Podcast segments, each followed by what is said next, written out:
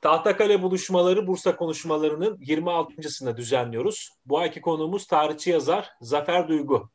Kendisiyle İznik konsilini konuşacağız. Hocam hoş geldiniz. Hoş bulduk. Merhabalar arkadaşlar. Nasılsınız? Eyvallah. Siz de iyi misiniz hocam? Sağ olun hocam. Teşekkür ediyorum. Allah'a şükürler olsun. Ben de iyiyim. Eyvallah. Cihan'cığım sen başla bakalım. Hocam merhaba, hoş geldiniz. Merhabalar, merhabalar. Nasılsınız, nasılsınız? Sağ olun, iyiyim. Siz nasılsınız? Teşekkür ederim. Buyurun. Şimdi şuradan başlayalım. Ee, malumunuz İstanbul'u kuran Konstantin aynı zamanda Hristiyanlığı da ilk resmen kabul eden imparator.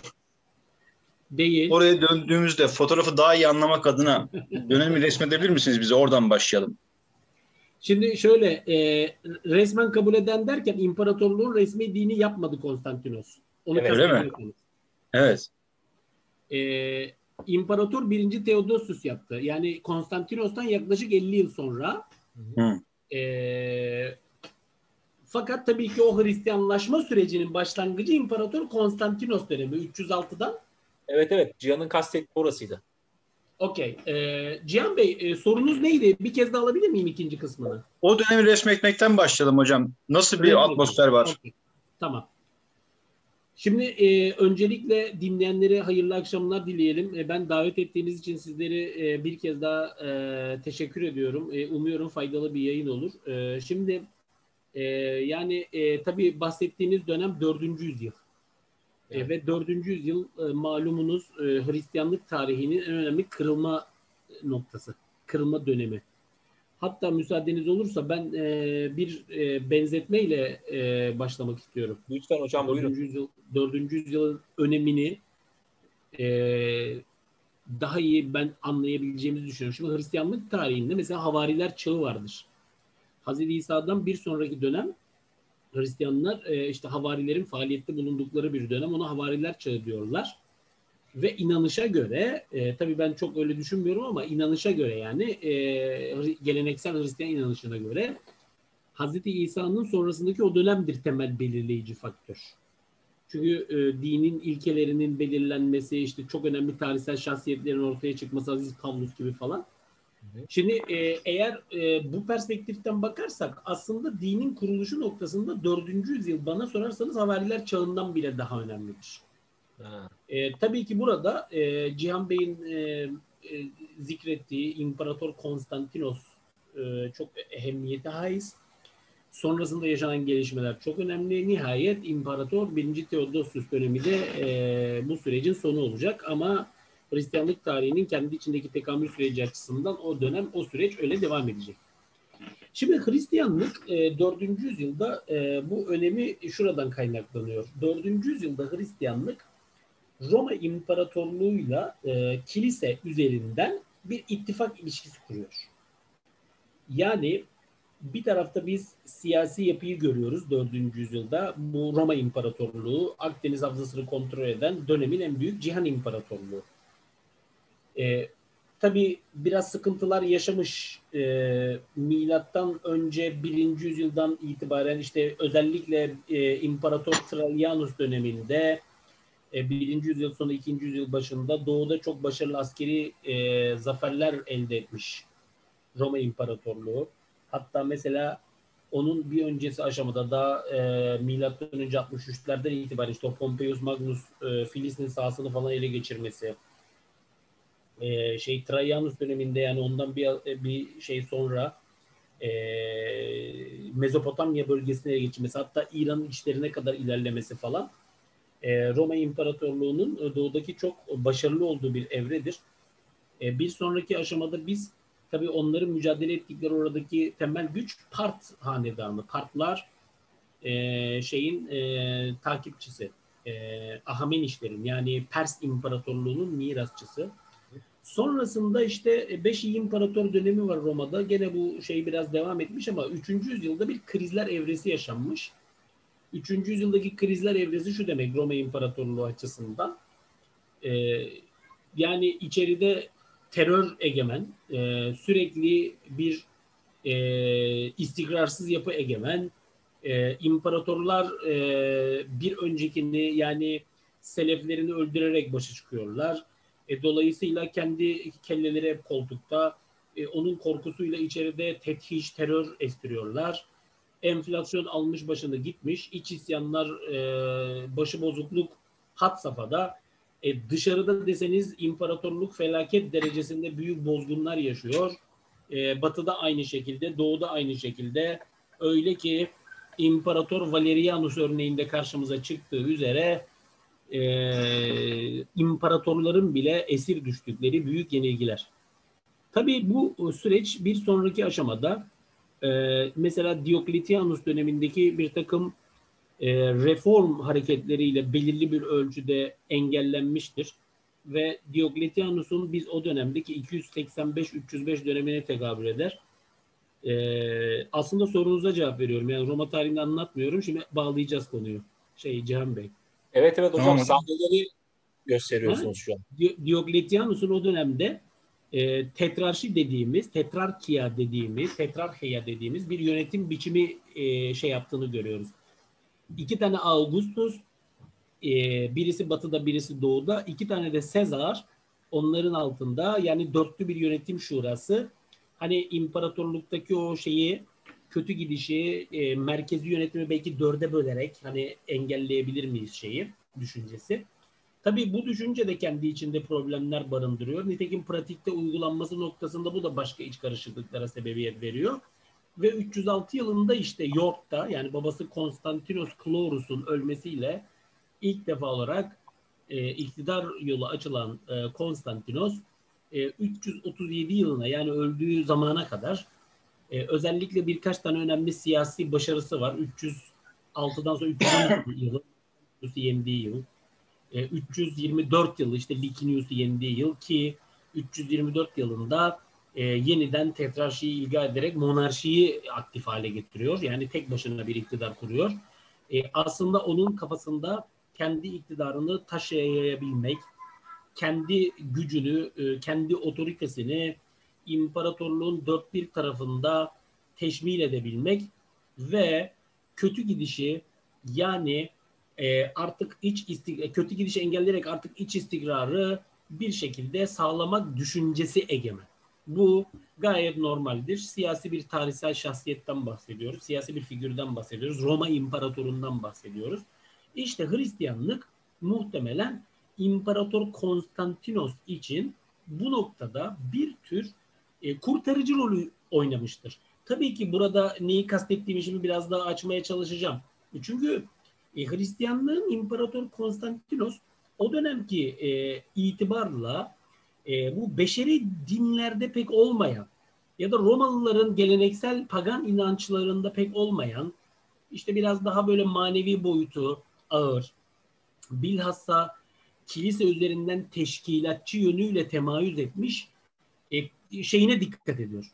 Ve bilhassa mesela kendisi muhtemelen o sırada Nikomedeia'dır yani İz, İzmit'te bir şey e, İmparator Konstantinos ki Diokletianus'un başkentidir. Galerius da oradadır o dönemlerde.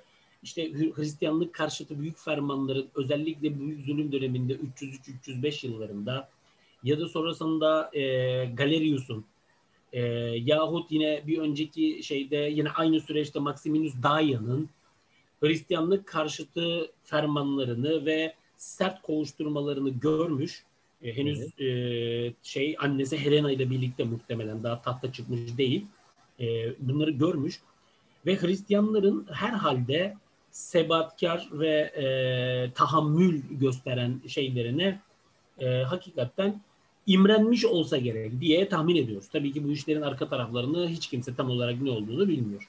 Fakat her hal ve karda 306 yılında henüz iktidara çıktıktan sonra İmparator Konstantinos'un imparatorluk bünyesinde Hristiyanlığı desteklemeye yönelik bir politikası ön plana çıkıyor.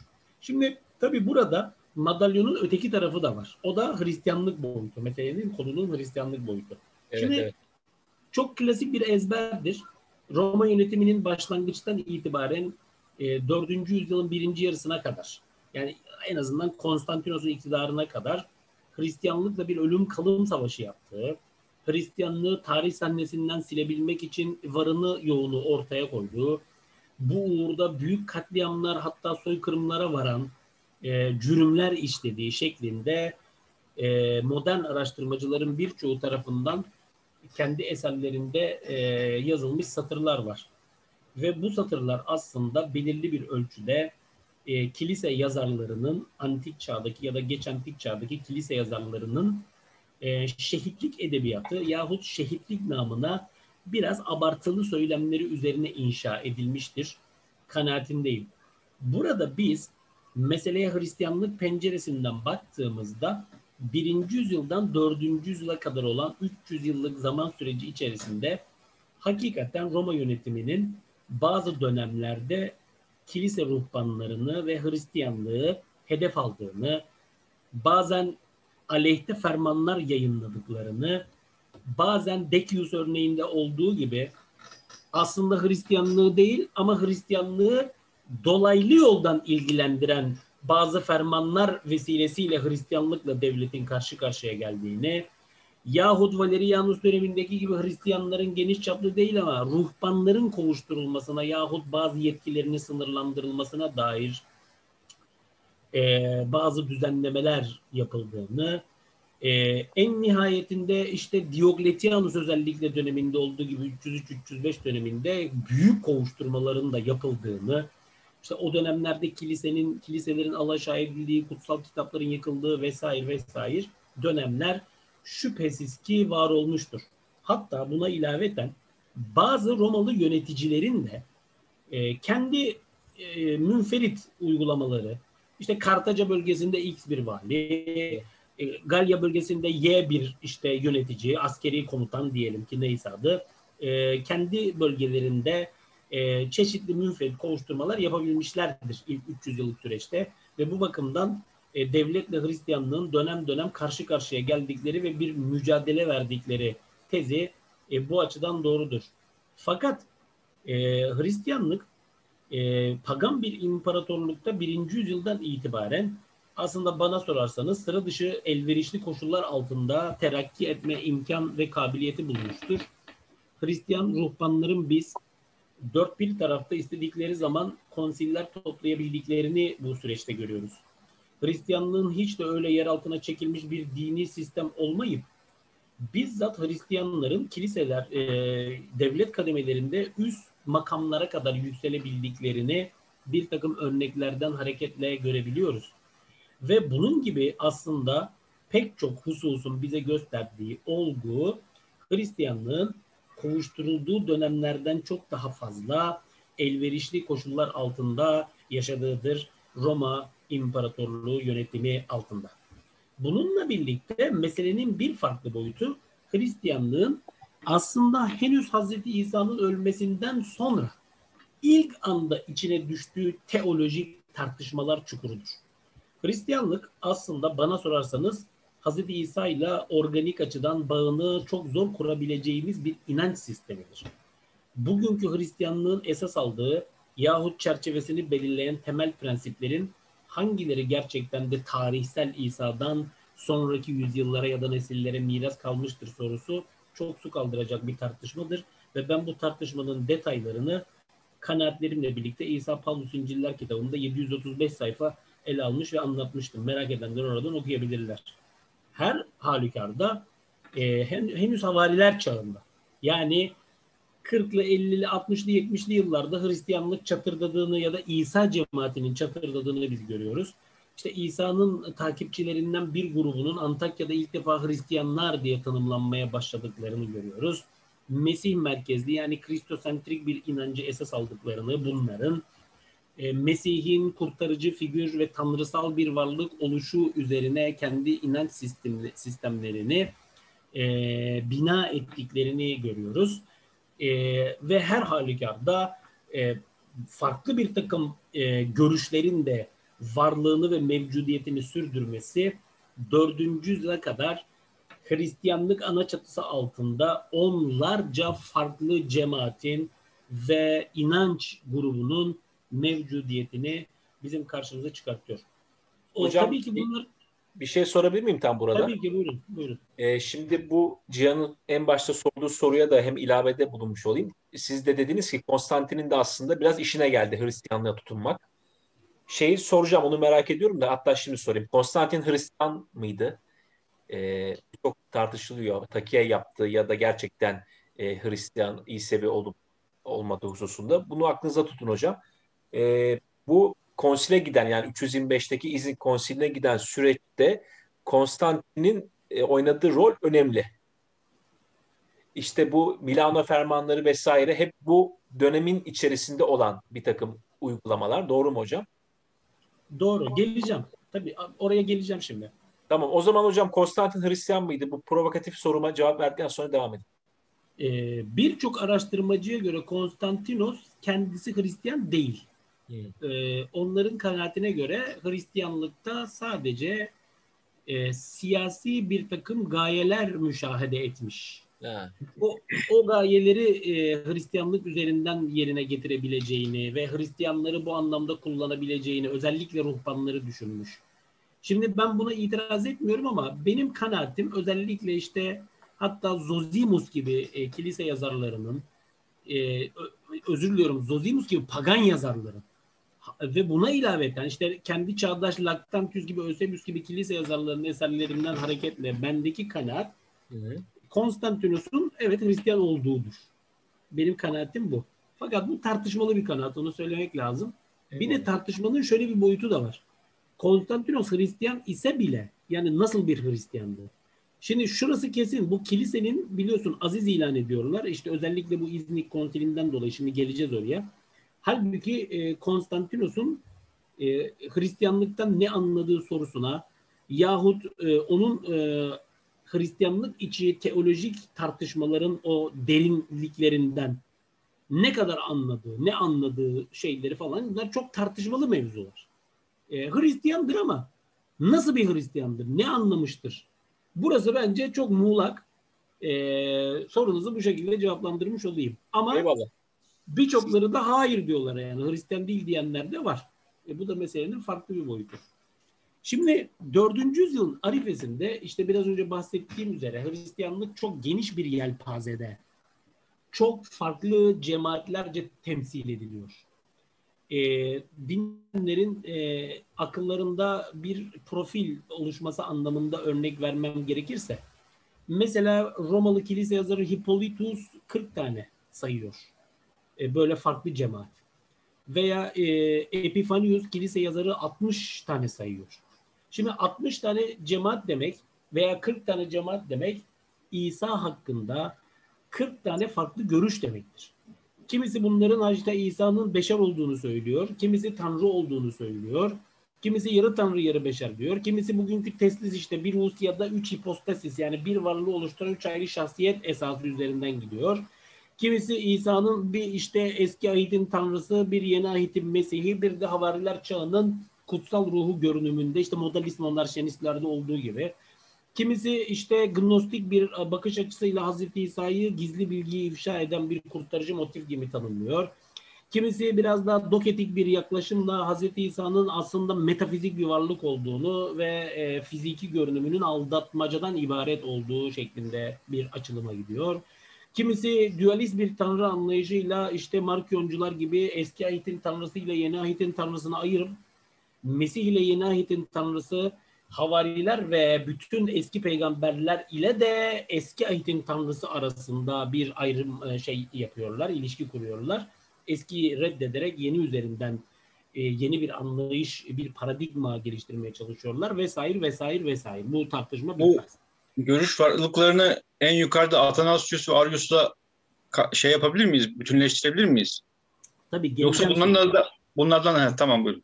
Şimdi oraya daha ge- geleceğim. Atanasius Arius tartışması İznik Konsili özelinde zaten en önemli belirleyici faktörlerden bir tanesi olacak. Şimdi bu tartışmalar bakın kaç tane birkaç tane bağlam üzerinden gittik. Şimdi bir oradan gittik, bir buradan gittik, bir şu nereden gittik? Bir işte Roma yönetimi, Romalılardan biraz bahsettik. İşte ihtiyaçlarından hani e, artık 4. yüzyılda nasıl arayışlar içerisinde olabilir imparatorluk? Öte taraftan Roma yönetimiyle Hristiyanlığın ya da kilisenin ilişkileri bağlamında biraz konuştuk. En nihayetinde de Hristiyanlığın kendi iç tartışmalarından, kendi iç teolojik yapısından konuştuk. Şimdi bütün bu ayrı şeyler, e, üç ayrı damar ya da üç beş ayrı kol Dördüncü yüzyılda bir, birdenbire böyle girift bir e, yapıya bürünecek. İşte bunun sebebi özellikle o zulüm sürecinin sonrasında İmparator Konstantinos döneminde e, Hristiyanlığı desteklemeye yönelik bir e, şeye yönelmesi. Şimdi 306 yılında e, Konstantinos Batı'da e, biraz bu gücünü pekiştirdikten sonra babasından sonra e, 311 yılında işte bir Milano Fermanı neşrediyor. Şimdi bu Milano Fermanı aslında Nikomedya'dan yayınlanmış bir ferman. Yani bununla ilgili artık yakın dönemde iyice e, tartışmalar var bilim, bilim insanları arasında. E, birincisi bu fermanın mahiyetinin ne olduğu, ikincisi ne kadar etkili olmuştur bu ferman. Üçüncüsü acaba gerçekten de ilk defa Hristiyanlığı serbest bırakan ferman bu mudur? Mesela e, bu e, bağlamda e, çok daha önceki bir dönem, işte 260'lı yıllarda yanlış hatırlamıyorsam e, e, Gallienus diye bir imparatordan söz ediliyor. Bu Valerianus'un esir düşen işte Şapur'a esir düşen imparatorun oğlu. Mesela Eusebius'un kilise tarihinde onun bir fermanı var. Zikredilen. Şimdi orada bakıyorsunuz Hristiyanlığı aslında o fermana baktığınızda Hristiyanlığı aslında devletin orada tanımış olduğu şeklinde bir intiba uyanıyor. Belki de e, devletin e, Roma yönetiminin Hristiyanlığı tanıdığı e, yasal dinlerden bir tanesi haline getirdiği ilk dönem Gallienus dönemi olsa gerek. Fakat burada şöyle bir yanlış anlaşılmaya da mahal bırakmamak lazım. Daha öncesinde Hristiyanlık yasak mıydı yahut serbest miydi yani? Hmm, güzel Şimdi soru. bu konular tabii ki çok tartışmalı konular. Neresinden baktığınıza göre ulaşacağınız yargılar değişebilir ama bendeki kanaat şudur. Hristiyanlık serbest bir din değil.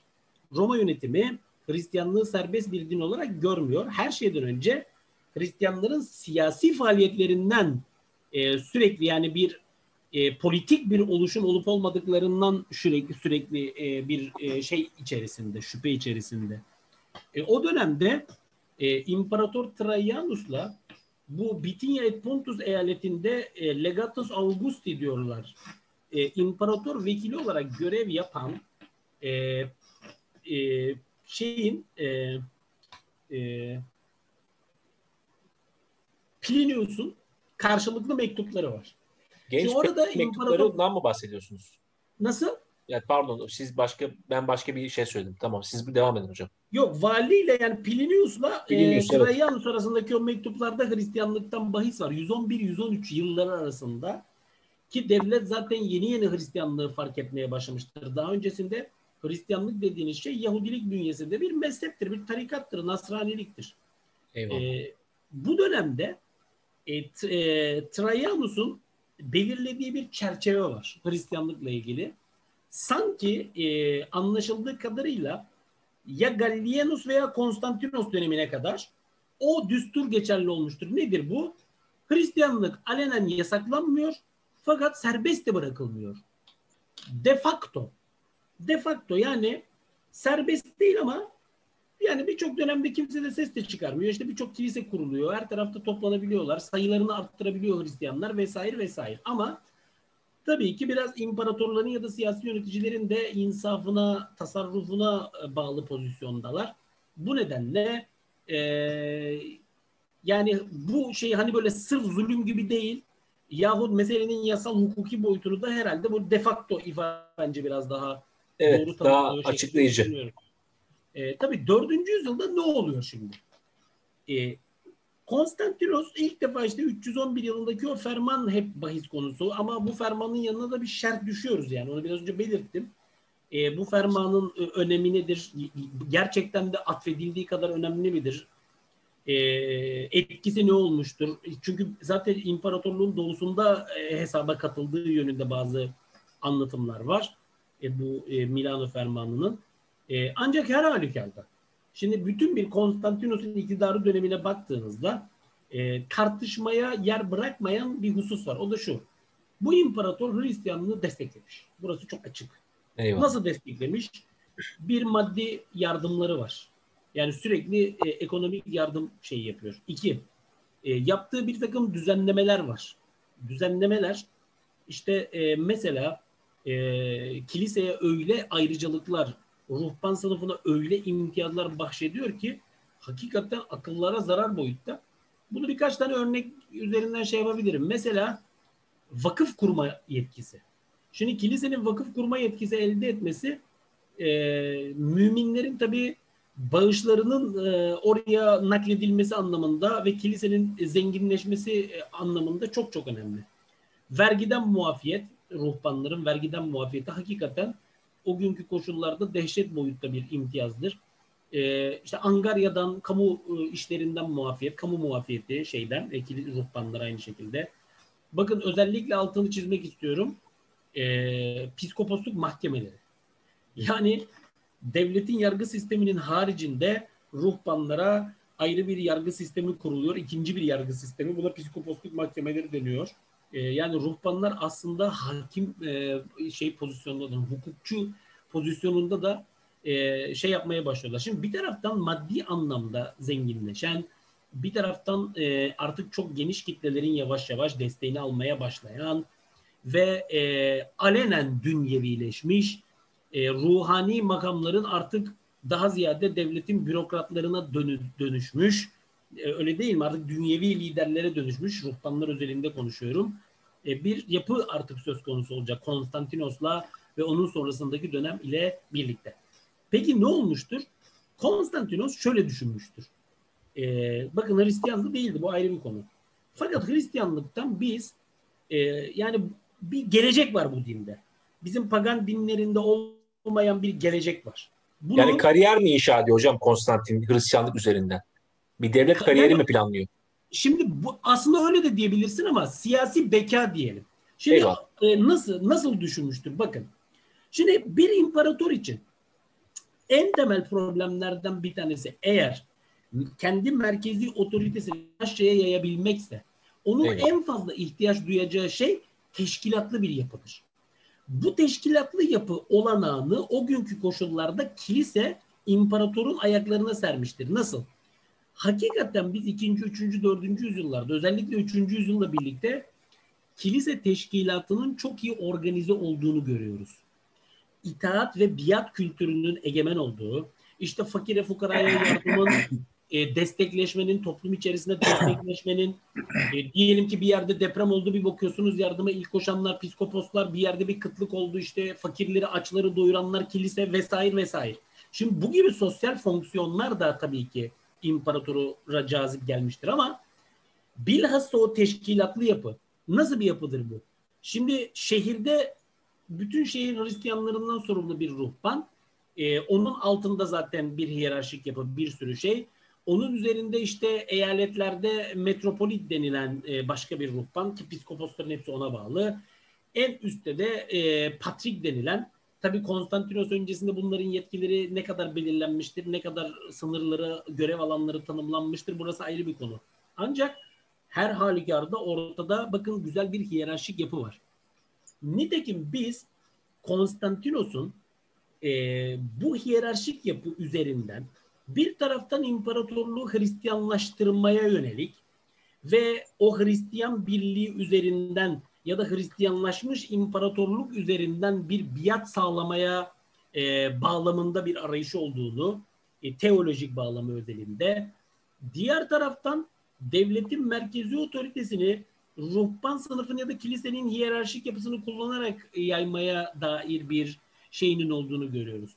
Konstantinos tabii ki bu siyasi başarılarının arkasından e, 325 yılında e, bir konsil toplayıp e, artık tek başına iktidardır. E, bir yıl önce Licinius'u saf dışı etmiştir. E, diğer bir Augustus'u. Artık kendisi tahtın tek ortağıdır ve Hristiyanlığa vereceği, ver, verdiği ve vermekte olduğu ve vereceği geniş çaplı desteği alenen ilan edebilmek amacıyla bir konsil toplamaya karar veriyor. Tabii konsil ifadesini biz bugün kullanıyoruz ama o gün itibariyle onun yapmaya çalıştığı şey ruhbanları toplayıp bir gövde gösterisi yapmaktır aslında. Fakat tabii ki e, problemler aslında Konstantinos'un ilk planda gördüğünden daha büyük. Neden? Çünkü Hristiyanlık bünyesinde bir defa e, bir birlik durumu söz konusu değil. Yani evet e, Hristiyanlığı kullanarak bir imparatorlukta belki bir birlik e, düşüncesi, e, ülküsü yaratma e, beklentisi belki imparatorda ya da devlet yönetiminde baskın olabilir. Fakat Konstantinos bir de bakıyor ki Hristiyanlığın kendi içinde birlik yok. Her tarafta farklı farklı görüşlere sahip birçok cemaat var. Bu cemaatlerin her biri Hz. İsa konusunda farklı düşüncelere sahip, Tanrı mevzuna dair farklı görüşlere sahip, Musa şeriatına yani yasaya e, uyulup uyulmayacağı konusunda değişik uygulamalar söz konusu. E, Birçok noktada bir standart standart yok. Doğuda başka bir şey var, batıda başka bir uygulama var, kuzeyde başka, güneyde başka. Üstelik bütün bu teolojik tartışmalar e, 4. yüzyıla da sirayet etmiş. 4. yüzyıla girerken imparatorlukta bu tartışmalar e, had safhada. Bu yetmiyormuş gibi 4. yüzyılın başlarında bir de Donatist ve bilhassa Ariusçu tartışmalar e, revaç bulmuş. Kiliseler bölünmüş. E, bilhassa İskenderiye merkezi bu tartışma yani Cihan Bey'in biraz önce bahsettiği e, Aleksandros Atanasios ki bunlar Halef Selef'tir, İskenderiye patrikleridir bunlar ile Libyalı aslında daha düşük bir e, ruhban olan e, şeyi statüsü itibariyle Arius. Libyalı rahip Arius arasında başlayan çatışmalar imparatorlukta kiliseleri alaşağı etmiştir. Yani dağıtmıştır. Her tarafta e, çok derin teolojik tartışmaların yaşandığını biz görüyoruz. E, o dönemde e, iş öyle bir hal almıştır ki e, işte Aleksandros çeşitli e, kilise merkezlerinde mektuplar yazıyor. Arius aleyhinde faaliyetlerde, propagandalarda bulunuyor. Aynı şekilde Arius ve taraftarları ki Nikomedyalı Eusebius bunlardan bir tanesidir. Politik müdafiidir onun. Birazdan zikredeceğiz adını. Ee, onunla beraber işte Ariusçu teolojinin bir savunmasının yapıldığını biz görüyoruz. Ee, aslında tartışmaların mecrağı bir anda sanki Ariusçuluk ile e, Atanasiusçular ya da Aleksandrosçular arasındaki bir e, kristoloji meselesi gibi e, gün yüzüne çıkıyor.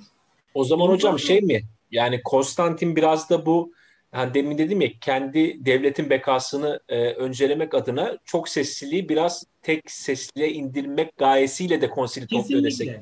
Kesinlikle imparator Aleksandros'un görüşlerini de bilmez, Arius'un görüşlerini de bilmez. Bunlar Hristiyanlığın teolojik deryasının ince tartışmaları. Biz bile bugün okuduğumuzda bunları anlamakta zorlanıyoruz. İmparator ne bilir, ne anlar, ne ilgilenir. Yani imparatorun hiç derdi değil. İmparator ne yapmıştır?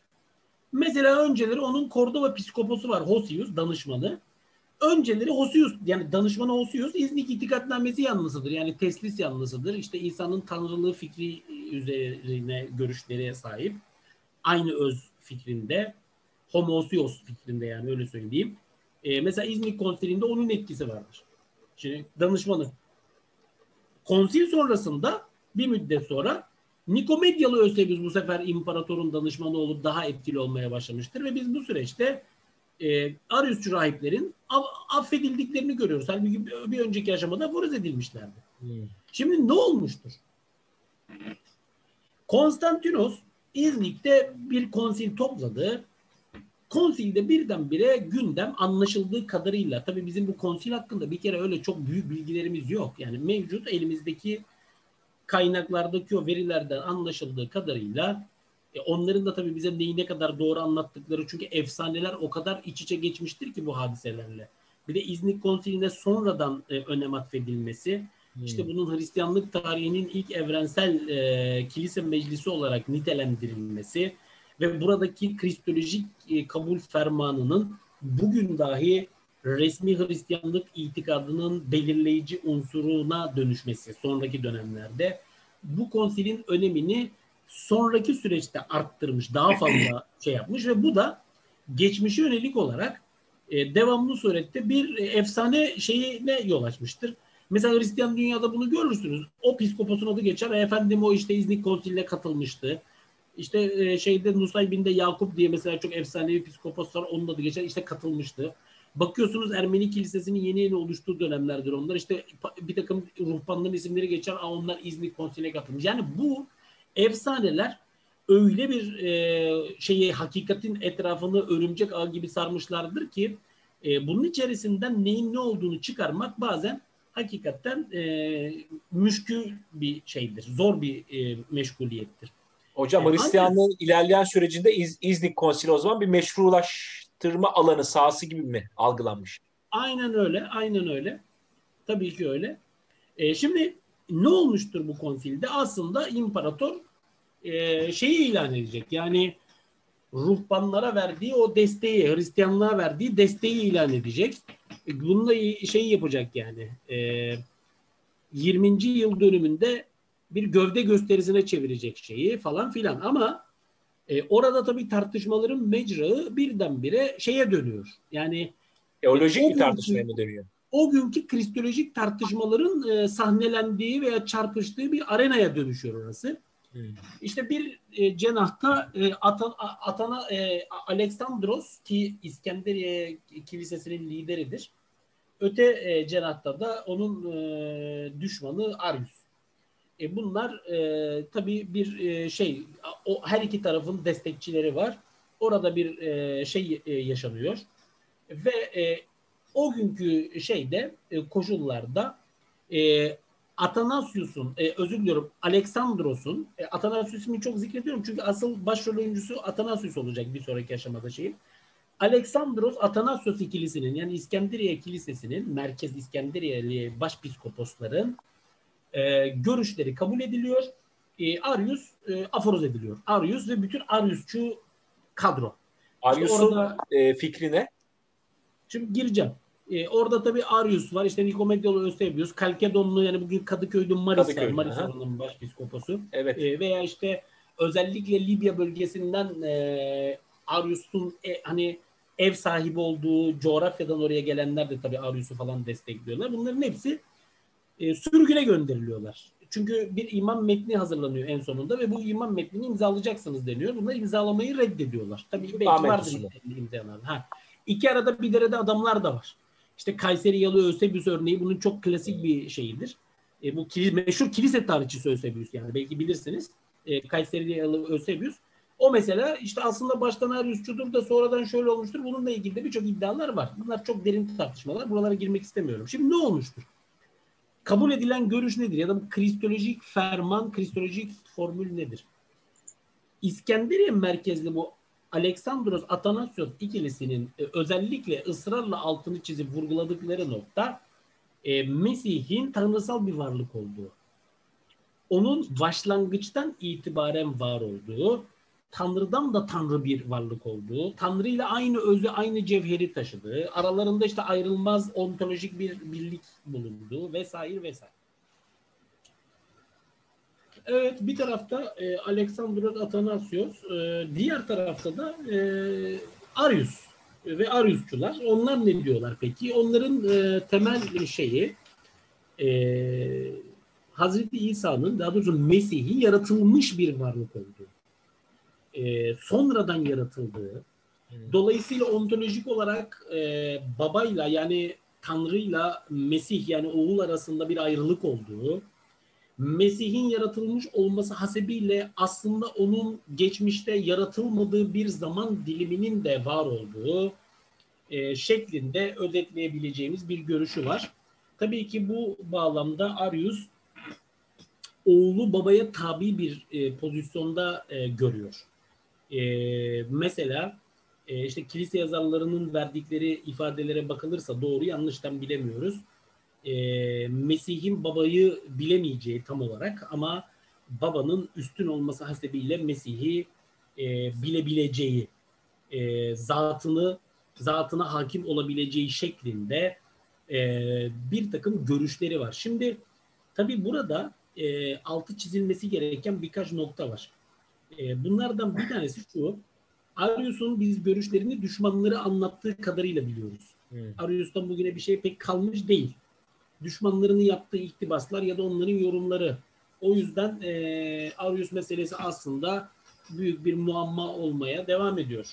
Görüşlerinin ne olduğu, fikirlerinin ne olduğu. İkincisi her iki cenahı temsil eden görüşlerin kökeni nereden geliyor? Biraz da buna bakmak lazım. E, tabii burada Antakya ve İskenderiye İlahiyat Okulları arasında bir e, farklılık söz konusu. E, bu farklılık nedir? Bunlar tabii iki e, ekol. Bunlar iki teoloji ekolü. E, aslında temel farklılık e, Hristiyan kutsal metinlerinin e, literal mi yani e, literal bağlamda e, mı anlaşılması gerektiği yoksa alegorik bir okumayla mı anlaşılması gerektiği şeklinde bir e, şey. Tabii ki bunun çok farklı benim İnciller Güvenilir Metinler midir kitabımda ben bunların evet, evet. arka planını, detaylarını anlattım. Burada sadece bir iki cümleyle özetlemek isterim. Ee, Hristiyan kutsal metinlerin özellikle İncil'lerdeki e, bir takım maddi hatalar yahut çelişkiler ya da en azından pagan yazarların buna dair iddiaları e, Kelsus gibi, Porfirios gibi, İmparator Julianus gibi pagan yazarların bu bağlamdaki eleştirileri Hristiyan dünyada e, acaba bu metinlerin e, metinler konusunda ne gibi bir açılım yapılmalıdır şeklinde anlaşıldığı kadarıyla bir e, konuyu gündeme getirmiş. Şimdi e, bazı e, yazarlar özellikle İskenderiye merkezli olarak bu bir tesadüf değil biliyorsunuz alegorik okuma biçimini e, çok eski dönemlerde özellikle İskenderiye'de Philo, Yahudi yazar Philo e, ön plana çıkartmış. Origenes e, Philo'dan e, esinlenerek şöyle bir açıklama getiriyor. E, bu metinleri diyor literal olarak, tarihsel olarak almayıp alegorik yani altında yatan, derinde yatan anlamları e, bağlamında e, algılamak durumundayız. Ha, bu durumda çelişkiler ortadan kalkar şeklinde bir yaklaşımı var Origenes'in. Tabii bu yaklaşım sonrasında e, işte Hristiyan tarihin en önemli e, düşünürlerinden Augustinus tarafından da belirli ölçülerde desteklenmiş, farklı bağlamlar getirilmiş vesaire vesaire. E, ancak bunun karşısında işte Mopsestalı Theodoros gibi e, ya da e, Tarsuslu Diodoros gibi bir takım ilahiyatçılar ya böyle olur mu? E, siz bunu böyle okursanız e, bütün inancın altını üstüne getireceksiniz şeklinde bir eleştiriyle beraber hayır tarihsel olarak ve literal olarak ne yazıyorsa biz onu anlayacağız, onu algılayacağız şeklinde bir yaklaşımları var ki bu da Antakya Teoloji Okulu'dur. Hı hı. Şimdi Arius Antakya Teoloji Okulu'nun bir temsilcisi. Tabii Onun mezunu. Nasıl? Onun mezunu diyorum. O ekolün mezunu. Aynen öyle işte onun e, e, Lukianos var o dönemde. Antakyalı Lukianos onun öğrencisi olduğu rivayet ediliyor. İşte e, aynı şekilde Nikomedyalı Eusebius'un da. Tabii bu gelenek e, Hazreti İsa'nın yani özellikle beşer yönünü ön plana çıkartmış olması hasebiyle e, aslında bir taraftan Samsatlılar geleneğiyle yani dinamik monarşiyanizm ne ki o da Bizantiyonlu Theodotos, Samsatlı Pavlos, işte Sirmiumlu Foteinos, Artemon gibi önemli ilahiyatçılarca temsil edilmiş bir kristoloji geleneğidir ve Hazreti İsa'nın beşer olduğu esasına dayanır. Bir diğer taraftan Nasraniler Yahudiyonikler gibi yani Hazreti İsa'nın Yahudi mahiyetini, Yahudi inancını ya da Yahudi kültür dünyasının içerisinde var olmayı devam ettiren, hmm. beşer olarak Hazreti İsa'yı gören, Musa şeriatına tabiyeti katı e, kurallarla sürdüren e, bazı cemaatlerle de yakın bağlantısı olsa gerek. Tabii ki farklı e, bazı bağlamların bulunmuş olması da söz konusudur. Şimdi Arius'un bu gelenek, bu kristolojik geleneklerle tabii ki ilgisi, alakası, bağlantısı e, vardır. Ama ne ölçüde vardır? Bir de Arius bunu hangi ölçüde devam ettirmektedir? Yani Arius acaba Hazreti İsa'yı sadece bir beşer olarak mı gördü? Yoksa onu esas Tanrı'ya nazaran ikincil derecede bir Tanrı olarak mı algıladı sorusu bana sorarsanız e, biraz tartışmalıdır. Evet beşer boyutunu ön plana çıkartıyor ama bazı kilise yazarları da onun Mesih'i salt bir beşer olarak görmediğini, mesela e, işte şunu söylüyorlar en azından. İşte Mesih ilk yaratılmıştır. Şimdi bütün insanlık ailesinden önce o yaratılıyor. Dünyayı o yaratıyor.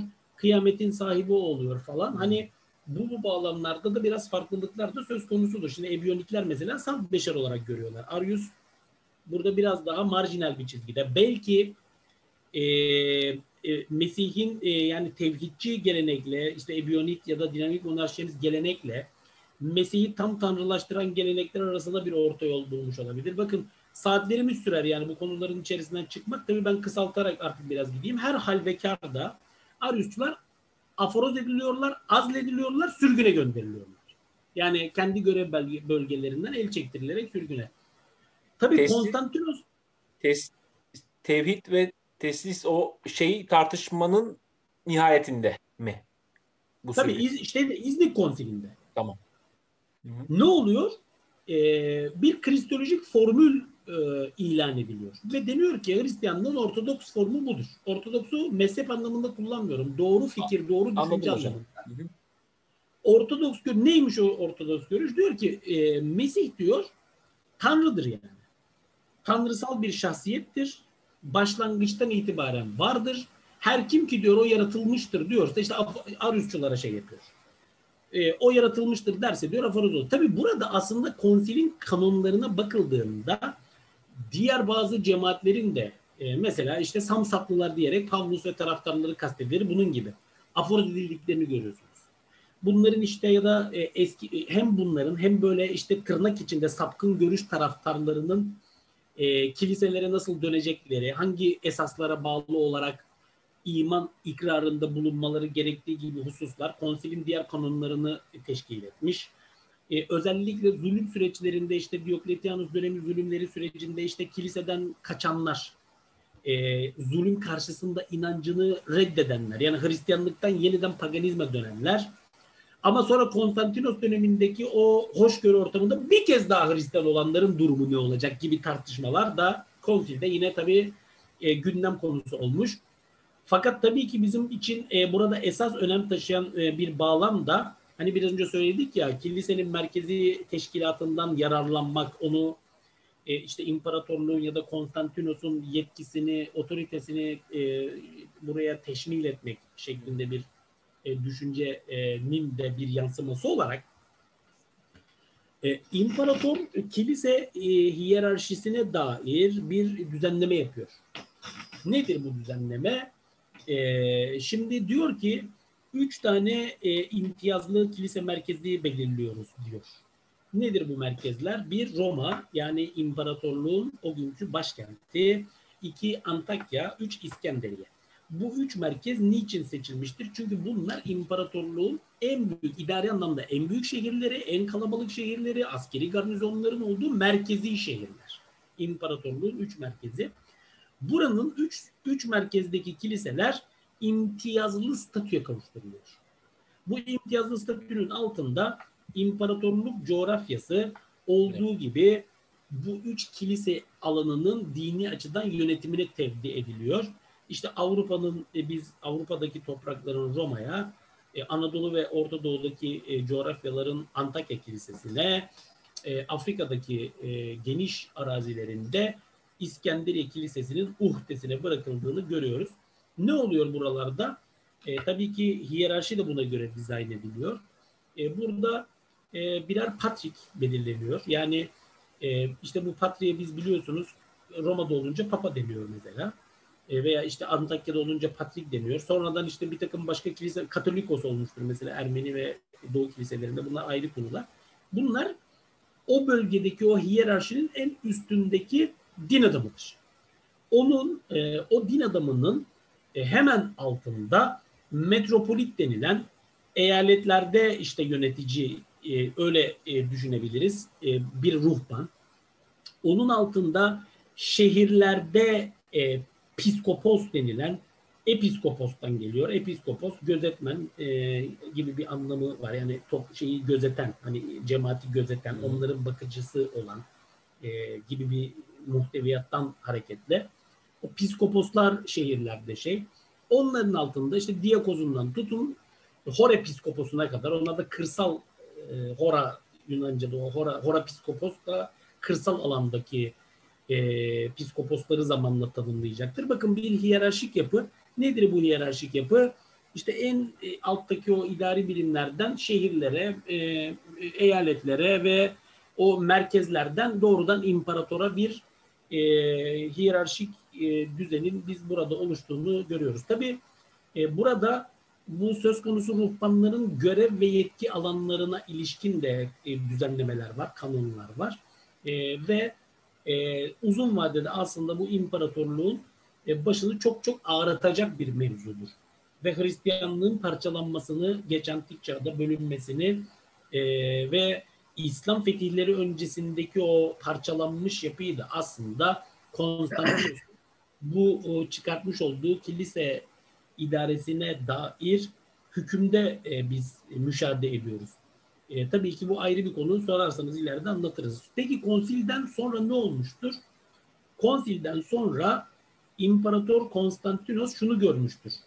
Doğu'da aslında aforoz ettiği Ariusçu, Arius'un taraftarı e, şeylerin sayısı kalabalıktır. Yani e, Ariusçuların sayısı epey e, bir yeküne tekabül ediyor. E, İznik itikatnamesi yani teslisçi İznik itikatnamesi yanlıları ise özellikle batı coğrafyalarında egemen. E, İmparator e, yani kilisede birliğin tesis edilemediğini görüyor.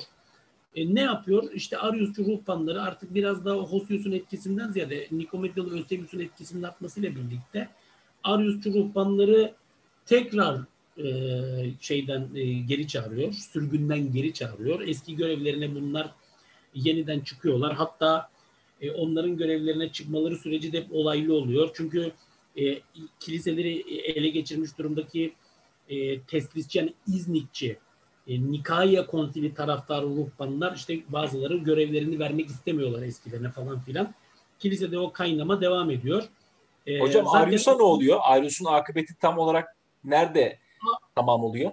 Arius ölüyor. E, şimdi Eceliyle e, mi yoksa bir e... tam yüzde yüz bilmiyoruz. Hı hı. Tam yüzde yüz bilmiyoruz. E, fakat biz şunu biliyoruz. İmparator Konstantinos bu süreçte kendisi de ölmüştür 337 yılında. E, 337 mi 339 mu? O dönemde e, ölüm döşeğinde muhtemelen İmparator Konstantinos'u vaftiz eden ruhban Nikomedyalı Eusebius'tur. Eusebius kendisi Ariusçu olması hasebiyle aslında İmparator Konstantinos'un onun tarafından vaftiz edilmiş olması Konstantinos'un Ariusçu bir e, şey olduğu anlamını taşır ki tabii ki geleneksel Hristiyanlık Arius karşıtı olduğu için e, Konstantinos ise birçok kilisede aziz olarak görüldüğü için kilise yazarları bundan hiç hoşlanmazlar. Üstünü örtmek isterler. Nitekim biz Konstantinos'un sonrasında işte onun dört tane oğlu var. Krispus önceden öldürülüyor. Yani hatta bizzat babasının emriyle öldürülüyor. O ayrı bir konu. Üç oğlundan ortancı oğlu ki en uzun e, süre tahtta kalacak olan odur. 361 yılına kadar. Diğerleri 330'larda e, biri, 350'de biri işte o Magnentius'un isyanıyla öldüler. Konstans ve ikinci Konstantinos onlar ölüyorlar. İkinci Konstantios Ariusçudur. 361 yılına kadar imparatorluğun doğusunda Ariusçu kristolojik pozisyonu Roma İmparatorluğu'nun resmi mezhebi yapmıştır.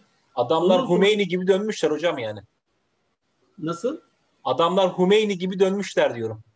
Yeniden. Tabii imparatorluk çok kararsızdır. Yani Roma yönetimi de kararsız. Hangi görüş nedir falan. İmparatorluğun zaten şu yani Azizim şunu anlamak lazım. Yani imparatorluk hangisi doğru hangisi yanlış onun derdinde değil. Bir birlik oluşsun yani. Evet. Hani ruhbanlar kendi aralarındaki bu şeyi bitirsinler ama bitmediği gibi hep çetrefellenerek artacak bundan sonra bu şeyler, bu ayrışımlar. Kon, ikinci Konstantinos'un sonrasındaki Ariusçudur dediğim gibi işte kısa süre bir putperest Julianus'un yeniden o hani dönek Julianus diyorlar ya ona. Evet evet ee, evet. Yeniden bir e, imparatorluğu işte paganizmi yeniden bir ihyaya e, yönelik başarısız aslında ve kısa süreli bir şey var. Aha. Sonrasında e, yine e, Julianus'tan sonra çok kısa bir iktidarı var şeyin. Sonra 368 yılına kadar yani Edirne Savaşı'na kadar bu sefer doğuda gene Valens. Bakın Valens kendisi de Ariusçudur. Ya Valens, bu ne demek? Kemeri var hocam İznik'te. Su kemeri. Şimdi aynen bu ne demek? Valens yani İmparator Konstantinos'un iktidarının son dönemi. İkinci Konstantinos dönemi ve Valens dönemi şu demek 330'ların sonundan 378 yılına kadar imparatorluğun aslında Hristiyanlık bağlamında mezhebi esas aldığı mezhep e, Ariusçuluktur. Fakat ne olmuştur sonra? 379'da 1. Theodosius tahta çıktı. Daha Selanik'ten bir ferman yayınladı. Ferman İstanbul'a gönderiliyor. Tabi İstanbul artık imparatorluğun başkentine dönüşmüş Konstantinopolis. Diyor ki orada ne kadar Ariusçu ruhban varsa diyor terk etsinler görevlerini, görev yerlerini. Ben diyor geliyorum. Yani İznik, İznik konsilini diyor esas alacağız. Neden? Çünkü kendisi İspanyol kökenlidir. Batılıdır yani. Hmm. İznik geleneğinin ya, egemen olduğu bir coğrafyada yetişiyor. Ve tartışmaların önü de alınamayınca bir türlü ya diyor kesin olarak artık bu işi İznik İtikadnamesi esasında çözelim. İşte 381 yılında İstanbul'da bir konsil topluyor. O konsilde e, teslis akidesini katli surette yerleştiriyor resmi olarak. Teslisi kabul etmeyen hiç kimsenin Hristiyan ünvanını kullanamayacağına dair fermanlar neşrediyor. İki yönlü bir dini politika belirliyor. Bir yandan Hristiyanlık dışında imparatorlukta yaygın olup revaç bulmuş e, olan işte Maniheizm gibi, Paganizm gibi, Yahudilik gibi diğer inançları sistemli bir şekilde ve yasal düzenlemelerle baskı altına alıyor. Öte taraftan Hristiyanlık bünyesinde mevcut onlarca farklı görüş arasından teslis itikadını Hristiyanlığın yegane Ortodoks formu şekliyle belirlemek suretiyle ve bunu sert hukuki, yasal fermanlarla, uygulamalarla desteklemek suretiyle teslisi Hristiyanlığın geçerli yegane formu haline dönüştürüyor.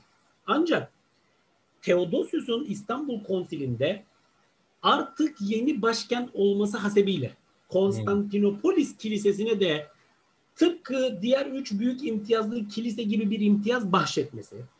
Hatta o kiliseyi 3 ve 4 numaralı veya 5 ve 6 numaralı kanonlarla yanlış hatırlıyor olabilirim. Ankara ve e, e, özür, özür diliyorum Antakya ve İskender'in üzerinde bir statüye Pozisyon. yükseltmesi, pozisyona yükseltmesi kiliseler arasında artık çığırından çıkacak bir rekabet ortamı yaratmıştır. Zaten imparatorluğun kristolojik bölünmeleri bu rekabetin bir yansımasıdır. Bakın 1. Theodosius'tan sonra 2. Theodosius döneminde 420'li 430'lu yıllarda patlak verecek olan o tartışmalar İskenderiye ve Konstantinopolis kiliseleri arasındadır. Çünkü İskenderiye ya da Doğu kiliseleri hiçbir zaman İstanbul'un üstün pozisyonunu tanımamışlardır, tanımak istememişlerdir ve ona karşı reaksiyon göstermişlerdir. Aslında e, o dönemde İstanbul Başpiskoposu Ioannes Chrysostomos ile e, İskenderiye Başpiskoposu Teofilos arasında. Bir sonraki aşamada İstanbul'dan Nestorios ile e, hmm. İskenderiye'de Kirilos arasında. Yine bir sonraki aşamada İstanbul'dan Flavianos ile İskenderiye'den Dioskoros arasında yaşanan bütün bu tartışmalar, kavgalar ve kristolojik bölünmeler ki biliyorsunuz Nesturilik zaten oradan, miyafizitizm, monofizitizm olduğu zannedilen miyafizitizm zaten oradan neşet etmiş akımlar olacaklar ki bölünmüş şeydir. Hep bunun arka planını bu kiliseler arası rekabet e, şekillendirmiştir diyebiliriz. Kısacası son cümlemi ifade edeyim. Sorarsanız devam ederiz de son olarak şöyle bağlayayım. Konstantinos'un kilise birliğini imparatorluğun siyasi birliği için e, bir e, tutkal olarak veya işte bir e, proje olarak düşündüğü bu e, tahayyül ettiği bu düşüncesi tasarısı evet bir açıdan akamete uğruyor. Çünkü kısa vadede imparatorluğun dini açıdan bölünmesine sebebiyet verecek bu bölünmeler. E, özellikle 2. Teodosius döneminde Efes konsilleri sırasında patlak verecek.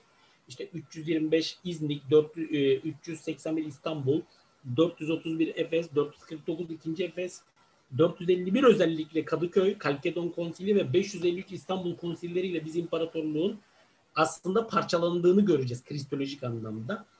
E, fakat öte taraftan başkent kilisesinin en azından imparatorlukla ittifakı Konstantinopolis e, yani öyle söyleyeyim o kilisenin imparatorluk başkentinde devletle yakın ittifakı e, çekirdek merkez topraklarda imparatorluğun varlığını daha da güçlendirmesi anlamını taşıyacaktır.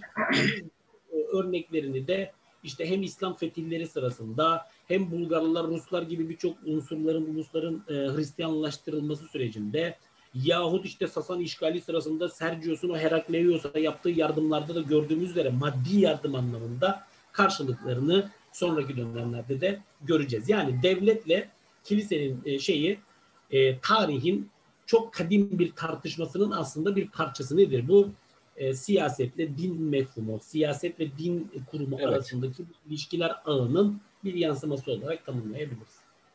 Hocam İznik'te bir konsil daha toplanmıyor mu? Ne zaman?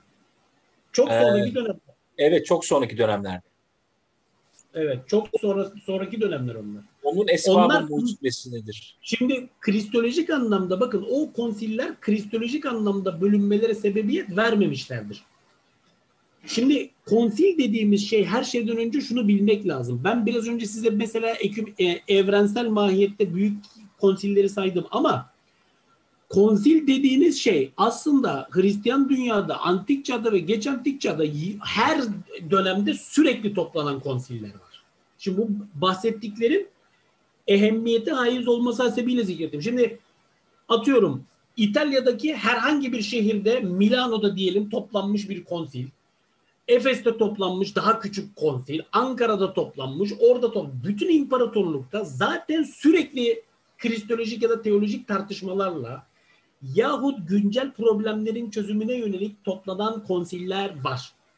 Fakat bunların kristolojik anlamda etkisi tabii ki çok sınırlı, yerel, mahalli, lokal kaldığı için ve sonraki yüzyıllara sirayet etmediği için burada onların tanesini zikretmedik.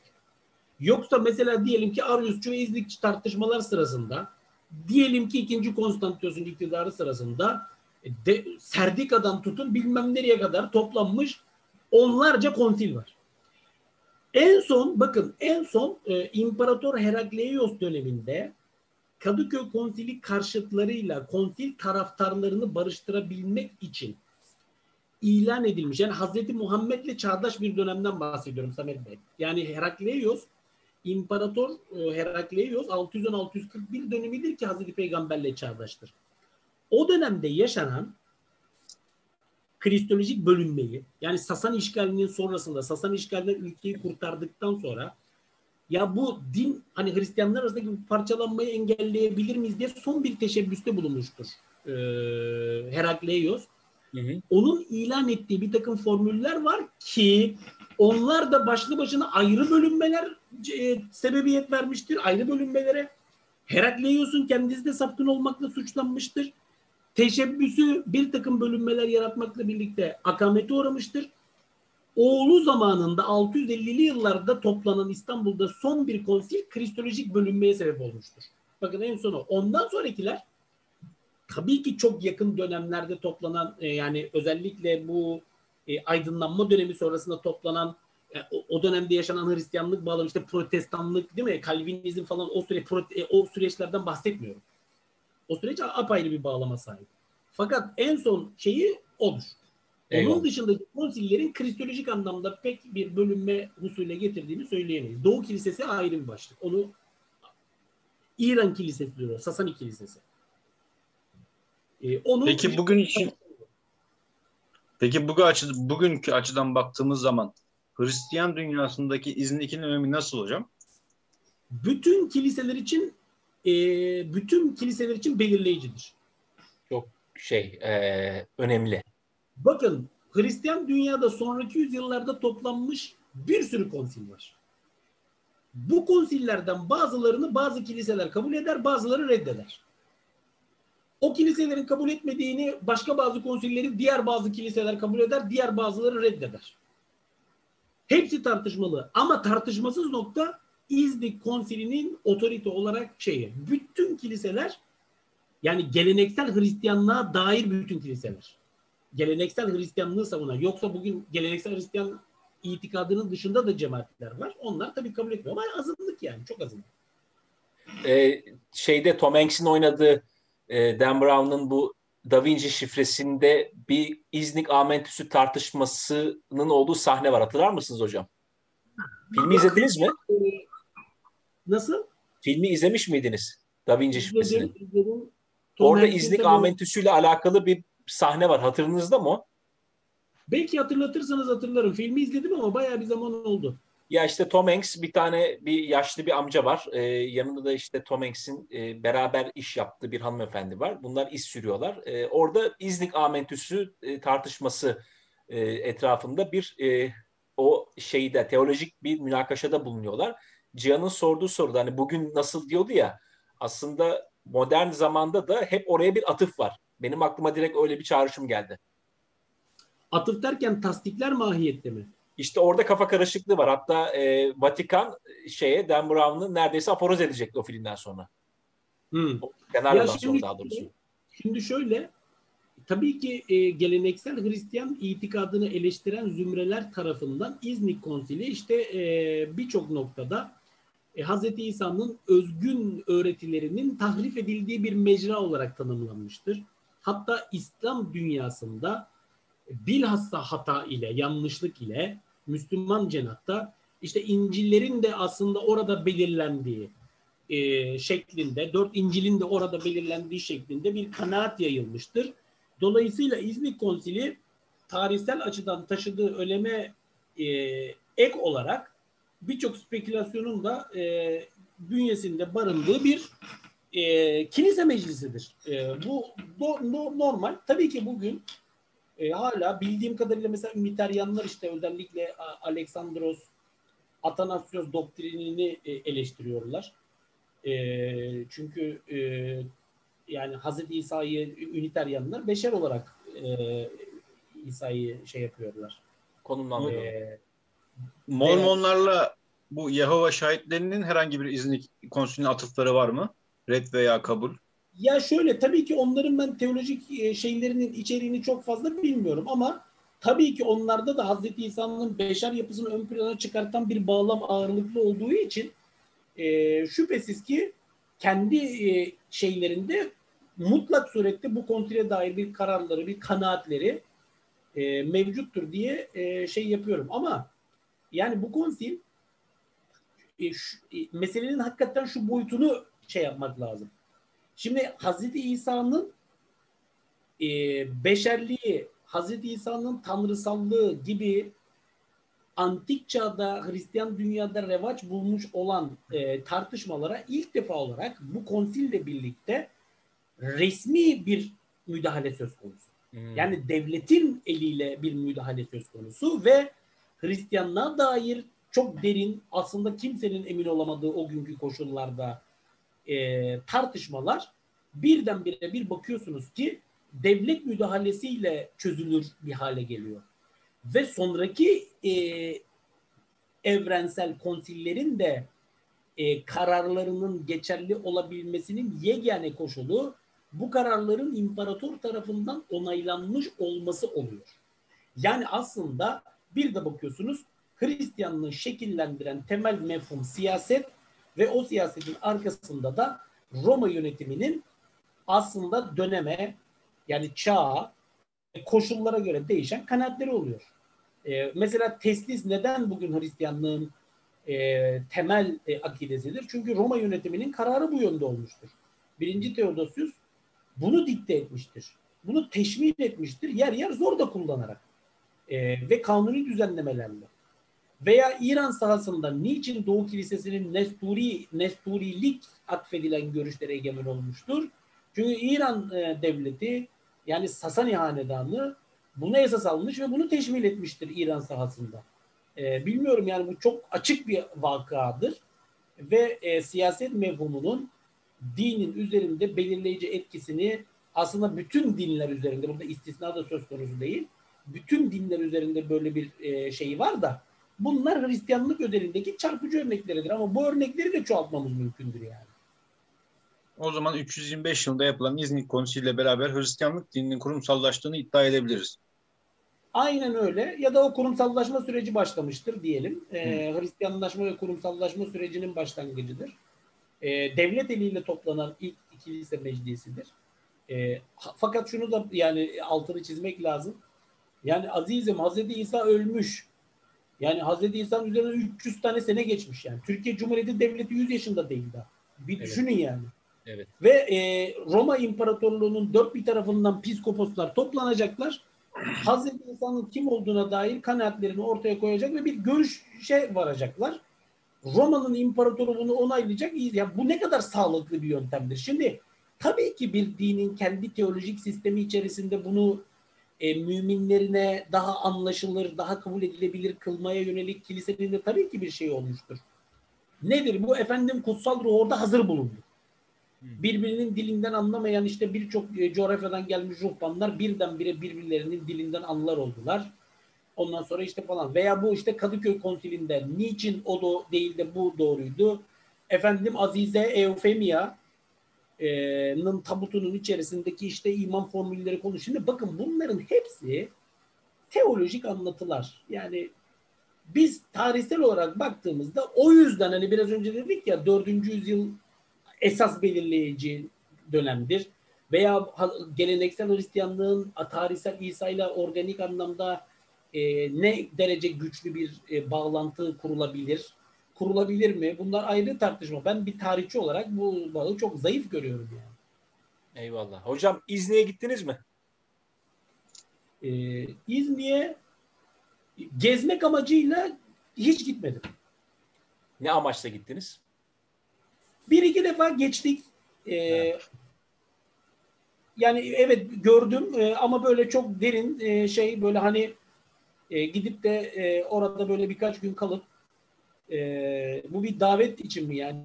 Evet evet tabii ki biz zaten hocam genelde davet ediyoruz burada. E, Tahtakale buluşmalarının artık bir, bir şey oldu bu. E, davet ediyoruz. Soruyorum yani gittiniz mi anlattığınız yerleri. Cihan Zafer Hoca'yı e, şeyde gezdirelim İznik'te.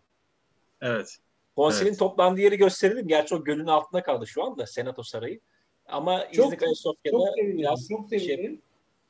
Çok sevinirim Aziz'im. Şimdi şöyle geçenlerde hatta bir konferansta da böyle İznik Konsilinin bahsi oldu. Turist rehberleriyle arkadaşlar. Hı hı. E, onlar sordular. Onlar mı sordu? Başka bir konferans bir hatırlayamıyorum yani. Tam şey veremedim. E, yani konsilin toplandığı yer hani kalıntıları var bilmem ne falan biz de öğrenmiş oluruz yani isabet e, olacak. Estağfurullah biz e, gezeriz beraber e, müşahede etmiş oluruz hocam hem. Büyük bir memnuniyetle, keyifle. Eyvallah. Hocam e, son dakikalarımız var mı ilave etmek istediğiniz başka bir husus? E, ben davet ettiğiniz için çok teşekkür ediyorum. İnşallah faydalı olmuştur. Yapabildiğimiz oranda işte dilimiz döndüğü oranda tabii çok geniş bir literatürü, çok geniş bir tarihsel periyodu dilimiz döndüğünce özetlemeye e, şey yaptık. İnşallah faydalı olmuştur. Dinleyen herkes e, Allah'a emanet olsun. Çok çok teşekkür ediyorum. Eyvallah. Teşekkür ederim hocam. Sağ İşin e, bizim tarafa yani Tahtakale buluşmalarına bakan e, bölümüne bakarsak şeyde e, İznik Bursa'nın bir ilçesi ve kocaman Hristiyanlık repertuarını ne hale getirmiş diye söyleyebiliriz. kesinlikle, kesinlikle. Balıkçı kasabasından çıkan o kararlar. E, bununla ilgili şimdi bir e, çalışma yapılıyor. E, bilmiyorum söylememde yani söylemeyeyim e, editörünü falan. E, bir profesör ben de oraya bir yazıyla katkıda bulunacağım. E, sanıyorum belki bu yıl bitmeden veya önümüzdeki yılın başında bu İznik Kontili ile ilgili böyle e, 6-7 tane e, uzman arkadaşın e, metinlerinden oluşan bir e, editoryal kitap çalışması e, olabilir. E, Çok güzel. Sanıyorum, e, önemli bir boşluğu da kapatacaktır düşüncesindeyim. Eyvallah. Bizim bu kaydımızda o zaman e, güzel bir katkıda bulunmuş olur diye ümit ediyoruz. Aynı şekilde, aynen, aynen. Eyvallah. Çok teşekkürler Zafer Hocam. Geldiğiniz, katıldığınız için. Ben teşekkür ediyorum. İstanbul'da Timaş, Timaş'ta her geldiğimizde bizi e, tabii biliyorsun benim e, İslam evet. ve Hristiyanlık kitabım. Evet. E, yeni kitabım Timaş'tan çıktı. Allah razı olsun. Yani oraya her geldiğimizde e, sen ol, e, Kadir olsun, Eyvallah. E, Zeynep Hanım olsun bizi e, çok güzel ağırlıyorsunuz. E, inşallah en kısa zamanda bir kez daha görüşmek ümidiyle diyelim. Eyvallah hocam. Zaten yarım kalmıştı gezimiz. Onu daha detaylandırırız. Tabii ki, tabii ki. Cihan Bey'e de çok teşekkür ediyorum katkıları nedeniyle. Ben teşekkür ederim hocam. Sağ olun. Eyvallah. Herkese iyi akşamlar, iyi günler. İzlediğiniz için çok teşekkürler. Tekrardan görüşmek üzere. İyi akşamlar.